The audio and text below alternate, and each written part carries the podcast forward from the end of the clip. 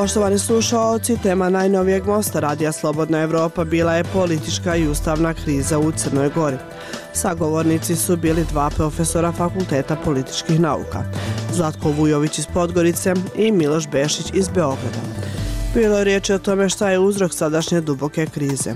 Da li ponašanje vladajuće koalicije koja je pod snažnim uticajem predsjednika Srbije Aleksandra Vučića ili je sadašnji politički haos posljedica to decenijske vlasti Đukanovićeve demokratske partije socijalista. Da li je predsjednik Đukanović prekršio ustav kada je odbio da povjeri mandat za sastav nove vlade Miodragu Lekiću, koga je predložila skupštinska većina? Zašto vladajuća koalicija nije na vrijeme Đukanoviću dostavila potpise poslanika koji podržavaju prijedloge o mandataru? I da li je vladajuća koalicija djelovala protiv ustavno kada je u Skupštini usvojila zakon kojim se ograničavaju ovlaštenja predsjednika države? Razgovaralo se i o blokadi Ustavnog suda Crne Gore, zbog toga što već dvije godine ne mogu da se izaberu četiri sudije tog suda. Zašto je nemoguće izabrati nepristrasne sudije koji nisu vezani ni za jednu stranku? Da li bi krizu mogli riješiti vanredni parlamentarni izbori koje odbija vladajuća koalicija, kao i o tome mogu li Brisel i Washington pomoći da se nađe izlaz iz sadašnje krize u Crnoj Gori. Most je pripremio Omer Karabek. Most Radija Slobodna Evropa. Dialogom do rješenja. U današnjem mostu razgovarat ćemo o ustavnoj krizi u Crnoj Gori koja je potpuno blokirala institucije u toj zemlji. Naši sagovornici su dva profesora Fakulteta političkih nauka, Zlatko Vujović iz Podgorice i Miloš Bešić iz Beograda. Gospodine Vujoviću, šta je po vama glavni uzrok sadašnje ustavne krize? To je prilično teško pitanje s obzirom da je kriza duboka i nije trenutno nastala, već ima svoje dugo trajanje. Ali ajmo reći da s jedne strane imate unutar sadašnje parlamentarne većine jedno ogromno nepovjerenje, jednu pat poziciju koja je izazvana time da trenutni premijer pale vlade nema podršku parlamentarne većine, već se traži formiranje nove vlade, a s druge strane imate i ugroženu prozapadnu orijentaciju zemlje, kriza je u svim aspektima veoma duboka, u ekonomskom, u socijalnom, tako da smo kliznuli u sukobljavanje sa zapadnim partnerima, iako je javno proklamovana orientacija ove vlade da je ona prozapadna i proevropska. I gospodin Abazović je od nekoga ko je slavljen kao neko ko može donijeti Crnoj Gori brzo članstvo u Evropskoj uniji, da ove od Crnu Goru nakon ovih posljednjih poruka iz Brisela gdje se najavljuje zaustavljanje energetske pomoći od 50 miliona eura ukoliko ne dese se blokiranje institucija, možemo reći i do sankcija unije, jer ako vam zaustave odobrenu pomoć i uslove ispunjavanjem političkih zahtjeva, onda možemo govoriti i o mogućim sankcijama. Čini mi se da svega ovoga ne bi bilo bez otvorenog, kontinuiranog i snažnog mišljenja zvaničnog Beograda i predsjednika Vučića, koji, možemo to reći, iako zvuči grubo, ima kontrolu ili dominantan uticaj nad svim parlamentarnim akterima koji čine trenutnu parlamentarnu većinu. Gospodine Bešiću, po vama šta je glavni uzrok sadašnje blokade institucija i ustavne krize?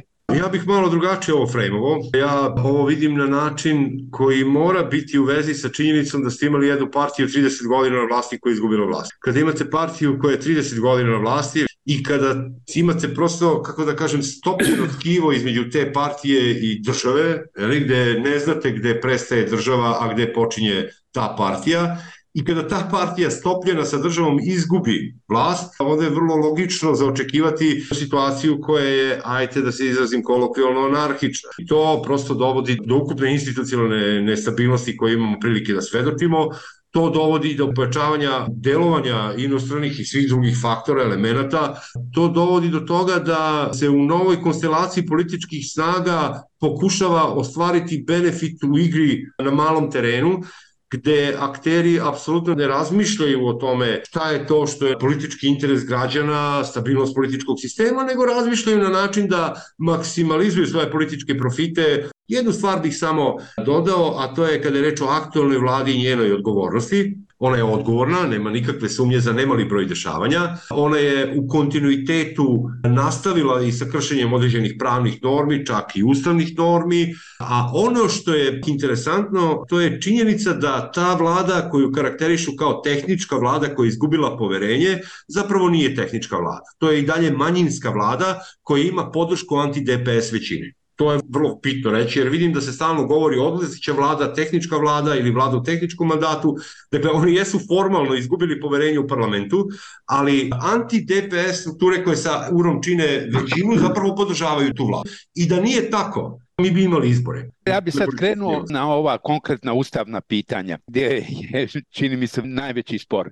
Gospodine Vujoviću, predsjednik Đukanović je odbio da poveri mandat za formiranje vlade Miodragu Lekiću, koga su za mandatara predložile partije koje imaju većinu u Skupštini Crne Gore.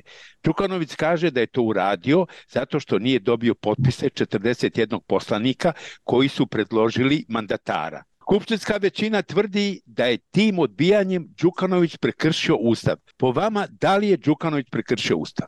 Mislim da do ove krize oko toga pitanja ne bi bilo da su URA i SMP želi stvarno da podrže gospodina Lekića. Da jesu, onda bi oni u ustavnom roku dostavili potpise kao što su to uradili za gospodina Krivokapića i Đukanović bi htio ili ne htio, bio na neki način doveden u situaciju da da mandat Lekiću.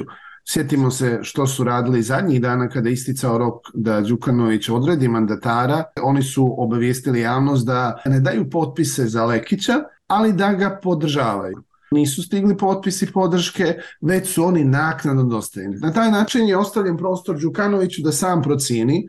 Đukanović je mogao i tada da odredi nekoga drugoga kandidata, jer predsjednik ima punu autonomiju, slobodu da odredi kandidata koje hoće. Ne postoji neka prohibitivna klauzula koja kaže da će predsjednik države na bazi dobijenih potpisa dati mandat onome koji ima apsolutnu većinu potpisa poslanika Crnogorskog parlamenta. Tako da čak i da je jedna takva situacija bila, odnosno da su stigli potpisi svih poslanika trenutne parlamentarne većine, Đukanović bi imao ustavnu mogućnost, istina to ne bi bila jedna legitimna odluka, ali pravno bi bila čista situacija.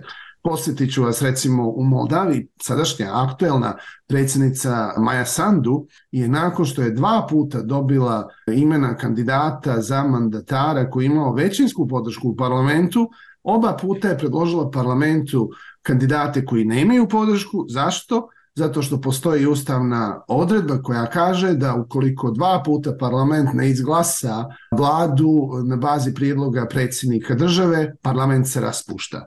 I tako je Maja Sandu izazvala izbore. U ovom slučaju Đukanović nije prekršio ustav, ali je s druge strane sadašnja parlamentarna većina mogla da dovede u situaciju da nemamo ovu krizu, da URA i SMP nisu taktizirali. Gospodine Bešiću, po vama, da li je Đukanović prekršio ustav? Ja mislim da nema prekršaja ustava, dakle to je moje lično mišljenje, ja nisam pravnik, nisam ekspert za pravna pitanja, mislim da nije prekršen ustav, ali mislim da je gospodin Đukanović trebao da da mandat gospodinu Lekiću pa da se vidi da li on ima podršku ili nema, bez obzira na to, dakle to je tačno da nije dobio potpise 41 poslanika, dakle nije dobio. Iskren da budem, imajući u vidu nivo političkog animoziteta koji postoji između ove dve strane, ja sam očekivao da će Đukanović da uradi još nešto lukrativnije, malicioznije, da ne kažem bezobraznije, i da će da da predlog za nekog mandatara iz DPS-a koji bi onda 15 ili 20 dana ili mesec dana pokušavao da formira većinu, pa onda bi taj pokušaj propao, onda bi on opet mogao da da nekom trećem i tako dalje. Dakle, on je imao prostora da na mnogo lukrativniji način i bezobraznije odigra tu utakmicu. Ne, on jednostavno nije dao mandat gospodinu Lekiću. Dakle, moje mišljenje je da, koliko ja razumem pravnu situaciju, opet ponavljam, nisam pravnik, nije došlo do kršenja ustava, ali jednako mislim da ukoliko je postojala namera da se stabilizuje politički prostor, što naravno nije bio slučaj od strane Đukanovića ili bilo kog aktera, da je trebao dati gospodinu Lekiću, pa onda da vidimo da li on ima podršku u parlamentu i nema, ako je nema, onda bi tu njegova situacija bila ugodnija, jer bi praksa pokazala da je nema, a ne da njegova procena bude, dakle, te većine nema. Poštovani slušalci, pratite Most Radija Slobodna Evropa u kome se razgovara o političkoj i ustavnoj krizi u Crnoj Gori. Sagovornici su dva profesora političkih nauka, Miloš Bešić iz Beograda i Zlatko Vujović iz Podgorice. Voditelj je Omer Karabek. Gospodine Vujoviću, skupštinska većina je usvojila, kao odgovor na Đukanoviću odbijanje, je usvojila zakon kojim je ograničila ovlašćenja predsjednika države, da li je time prekršila ustav? Mislim da je odgovor više nego jasan, a brzo će stići i mišljenje Venecijanske komisije koje će razriješiti tu dilemu ako je za nekoga ima, a to je da su nadležnosti predsjednika Crne Gore regulisane ustavom i ne može se nižim pravnim aktom stavljati van snage ili korigovati rješenje koje postoje u višem pravnom aktu ustavu. Oni nisu mogli to da urade, već je to sve objašnjeno ustavom i taj zakon će naravno, kad budemo imali ustavni sud proglašen neustavni, ukoliko dođe do njegovog ponovnog izglasavanja u crnogorskom parlamentu. CEMI, organizacija na čijem se čelu, je učestvovala u konsultativnom procesu sa Venecijanskom komisijom i mi smo dali naše pravno tumačenje koje je prilično jasno. Tako da vjerujem da će u nekom sličnom smjeru biti zaključci Venecijanske komisije da je riječ o neustavnom zakonu, ne smije se dozvoliti da bude stavljen u pravni promet. Gospodine Bešiću, mislite li vi da je ovaj zakon koji je usvojila skupštinska većina direktno kršenje Ustava? Ja mislim da nema nikakve sumnje, da nema nikakve sumnje da reč o kršenju Ustava. Mišljenje Venecijanske komisije nije obavezujuće, ali je naravno to što kaže Venecijanska komisija ono što mi ovde govorimo, dakle reč je o kršenju Ustava i mene čudi ovo ponašanje i ta upornost, rekao bih i tvrdoglavost skupštinske većine. Razmišlja se samo o tome da se po svaku cenu derogira funkcija predsjednika zbog toga što je Đukanović na toj funkciji. Ne razmišlja se na način da će sutra doći neko drugi na tu funkciju i pod dva ne razmišlja se o tome da će pre ili kasnije taj zakon biti osporen taj zakon ne može da opstane jer je protivustavan. Zapravo onda biste morali ustav da menjate i da ga usaglašavate, što ja ne vidim kao realnu opciju. Tako da ne samo da je prekršen, nego mi je nerazumljivo čak i sa stanovišta ponašanja i kalkulusa političkih aktera koji to rade, zašto to rade kada to prosto na duge staze ne može proći i na duge staze će sasvim sigurno da im danese ozbiljnu političku štetu, to nema nikakve sunje. Oni jednostavno rade u korist vlastite štete na duge staze samo da bi kratkoročno firmisali nekakav resent sentiman prema DPS i gospodinu Đukanoviću ili da bi kratkoročno dobili premijera koji opet ima da u nekoj nestabilnoj situaciji ima nestabilnu većinu, dakle prosto situacija koja je neprihvatljiva Samo moram da dodam, praksa kršenja Ustava je prilično uobičajena i gospodin Đukanović i DPS su neretko kršili Ustav, tako da mene to apsolutno ne iznenađuje. Ono što me iznenađuje jeste taj nedostatak elementarne političke pismenosti, da čak sa stanovišta njihovih lukrativnih partijskih kriterijuma ne shvataju da takav jedan potez njima direktno nanosi političku štetu. Gospodine Vujoviću, definitivnu odluku o tome da li je Đukanović prekršio ustav kada je odbio mandatara i da li je skupštinska većina prekršila ustav kada je donela zakon kojim ograničava ovlačenja predsednika države, treba da donese Ustavni sud Crne Gore. Međutim, Ustavni sud ne može da zaseda i donosi odluke zato što od ukupno sedam članova trenutno ima samo tri. Ostala četiri nikako da se izaberu. U posljednje dve godine bila su četiri konkursa za sudje Ustavnog suda, ali ni jedan nije izabran. Gospodine Vujoviću, zašto su svi konkursi propali? Taj problem je počeo i dok je na vlasti bio DPS. Tada je tadašnja opozicija, sadašnja vladajuća koalicija nije bila spremna da podrži nijednog od kandidata i time dođe se do dvotrećinske, odnosno tropetinske većine u drugom glasanju. Sad imamo sličnu situaciju, promijenjene aktere, međutim i dalje ne postoji spremnost da se dođe do zajedničkih kandidata. Na prethodnom konkursu upravo je URA blokirala izbor svih kandidata jer je njena predstavnica Zoronićeva bila uzdržana povodom svakog od 18 prijavljenih kandidata. Sad imate izmijenjene uloge gdje je URA ta koja poziva da se glasa za predložene kandidate. S tim treba imati u vidu da svi predloženi kandidati su kandidati parlamentarne većine i da nije bilo nikakvih konsultacija između opozicije i vlasti oko toga ko bi bili kandidati koje bi svi podržali, znači makar onih tri petine poslanika. Ono što ovdje brine jeste da poslanici na intervjuima pitaju kandidate kako će glasati u konkretnim slučajevima. Što znači da onim se obavezuju javno kako će da postupe u slučajevima koji se nalaze pred Ustavnim sudom ili koji mogu se naći pred Ustavnim sudom. To je nešto što je opasna praksa jer na taj način su oni politički uslovljeni da moraju glasati kako se od njih očekuju ukoliko žele podršku poslanika. Ono što isto malo zbunjuje jeste da vladajuća većina se postavlja ucenjivački prema opoziciji, što je u parlamentarnoj praksi nezabilježeno. Uglavnom je opozicija ta koja ucenjuje vlast. Zašto? Jer su rijetke prilike u kojima se opozicija nešto pita. A to je u ovom slučaju prilika za trenutnu opoziciju jer se traži da pored većine je potrebno još poslanika da bi se došlo do određene kvalifikovane većine. S jedne strane DPS ponaša se dalje kao vladajuća partija pa se trudi da do nečega se dođe iz nekih njihovih visina, a s druge strane vladajuće partije su veoma izričite. Ili će svi biti naši, ili nema ništa od izbora. S tim da bi vas dopunio vezano za vaše pitanje, Crna Gora ostaje i bez petog sudije Ustavnog suda na proljeće naredne godine. Tako da nećemo više imati četiri nepopunjena mjesta, već čak pet. Gospodine Bešiću, Evropska komisija traži da se izaberu nepristrasni kandidati. Kako doći do nepristrasnih kandidata koji nisu vezani ni za jednu partiju? Jednostavno rečeno nikako, ako mene pitate nikako. Sve i da jesu nepristrasni, oni će, ako nisu po volji nekih političkih aktera, biti proglašeni da su pristrasni. Znate o čemu se ovde radi? Ovde se radi o vrlo jednostavnoj stvari. Vama treba većina koju nema ni jedna strana za izbor tih sudija. Vrlo jednostavno. To otvara mogućnost ucenjivačkog kapaciteta da se sa tim prosto trguje jednostavno rečeno. DPS u nekoliko navrata je rekao manje više eksplicitno sledeću stvar. Hajmo da se dogovorimo. Mi ćemo glasati za kandidate da budu sudi Ustavnog suda, a vi nama dajte izbore i povucite zakon o predsedniku. Dakle, reč je o trgovini. DPS je vrlo svestan da bez njihovih poslanika ili poslanika koje oni na jedan ili drugi način kontrolišu nema izbora sudija Ustavnog suda i oni to koriste jednostavno kao svoj ucenjivački kapacitet i shvataju da je to karta sa kojom mogu da trguju da bi dobili ono što oni žele. U ovoj situaciji žele da se povuče zakon o predsedniku i da se održe vanredni parlamentarni izbori. Gospodine Vujoviću, uopšte ima li mogućnosti da se dođe do nepristrasnih kandidata, pravnih stručnjaka koji nisu ni na jednoj ni na drugoj strani?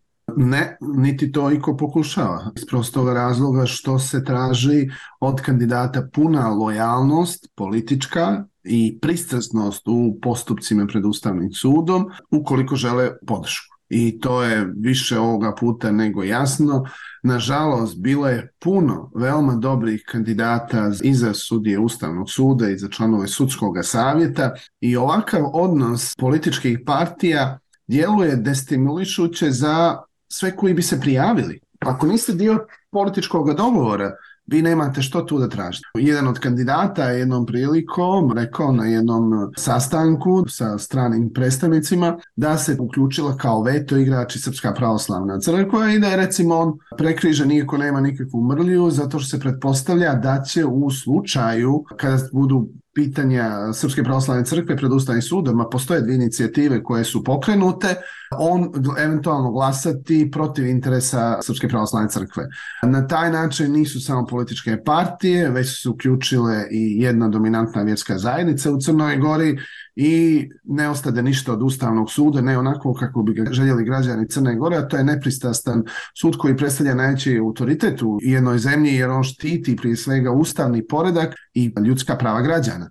Mi sad više ne tražimo najveće autoritete u toj oblasti, već političke partije traže njihove poslušne vojnike.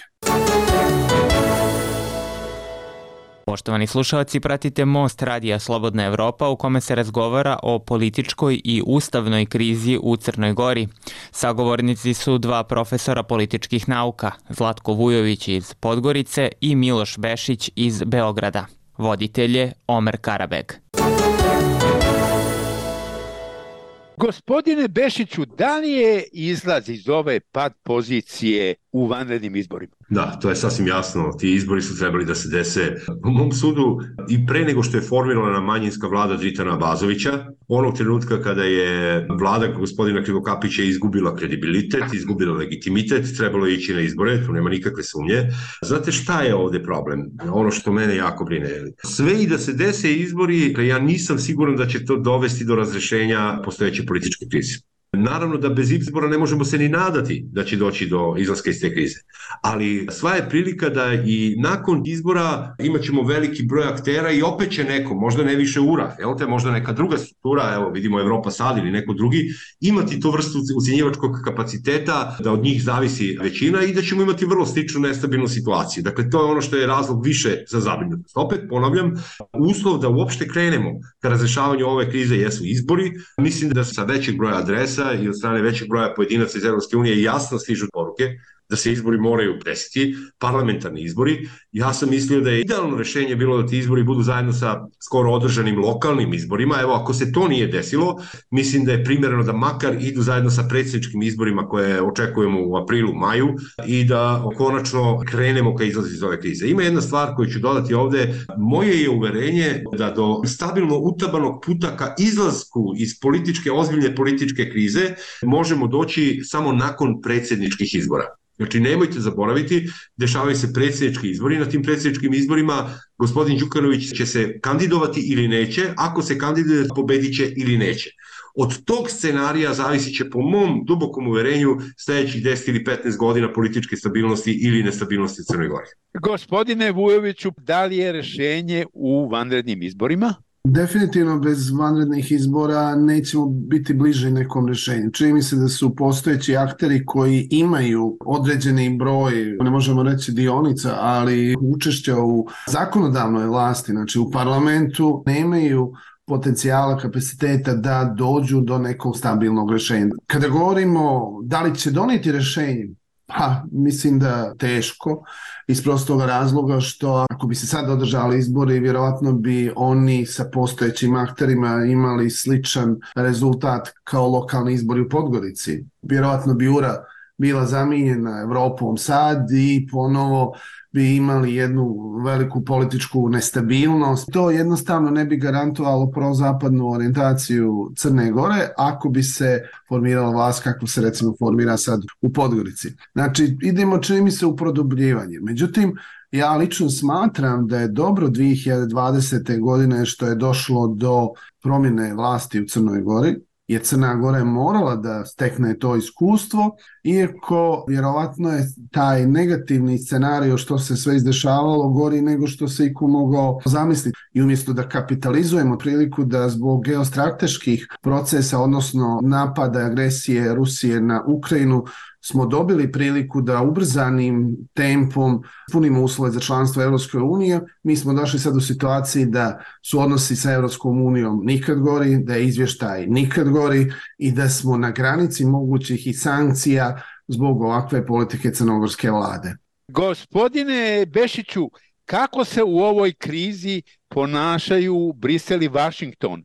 Mogu li oni uticati, a imaju veliki uticaj, da se nađe neko rješenje? Nema sumnje da je uticaj uopšte i Brisela i Vašingtona i stranih ambasada u Crnoj Gori veoma izražen. Mi znamo da su i neki politički akteri i njihovi predstavnici, partijski prvaci i gotovo u svakodnevnoj komunikaciji sa ambasadorima. Ne samo ono što govore, nego oni vrlo, vrlo konkretno utiču na politička zbivanja, tu nema nikakve sumnje.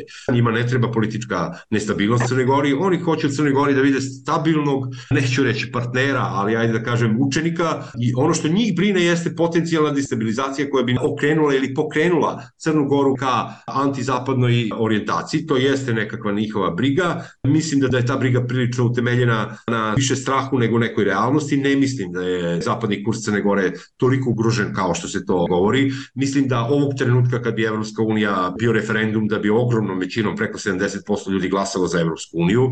Mislim da čak i oni koji su nominalno, tako da kažem, rezervisani, vrlo su svesni te činjenice.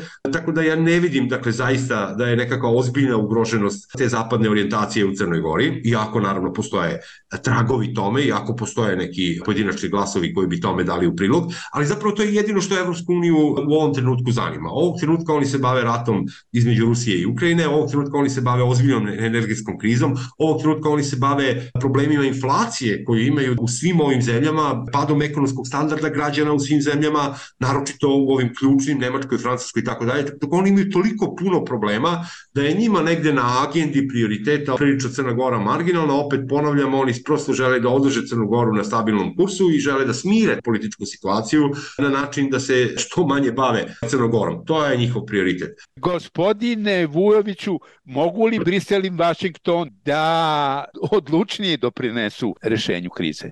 Stvarno imam prilike dosta često da komuniciram sa diplomatskim predstavnicima i diplomatama ne samo onima koji su bazirani u Crnoj Gori, nego i u ministarstvima spoljnih poslova. I moram da vam kažem da su prilično, makar jedan dio njih, šokirani potezima sadašnje parlamentarne većine, jer je taj odnos prilično ignorantski sa pozicija vlade, odnosno parlamentarne većine nisu se suočavali sa njim u partnerskim zemljama. To je da bilo koja preporuka, sugestije, zahtjev koji je stizao sa naših zapadnih adresa, ukoliko nije bio u direktnom interesu parlamentarne većine, je odbijan. Znači, autoritet naših zapadnih partnera prilično u ovom trenutku nizak, ako je kriterijum uticaj na stavove i pozicije nove parlamentarne većine i vlade Crne Gore taj uticaj se istopio, on gotovo da ne postoji i mislim da to treba i da zabrinjava i